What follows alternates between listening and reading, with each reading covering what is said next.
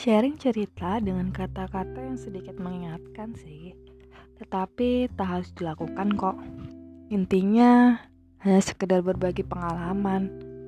Maaf ya bila suaranya tak enak didengarkan, tetapi semoga ada manfaat ya dari setiap kata yang diucapkan. Enjoy!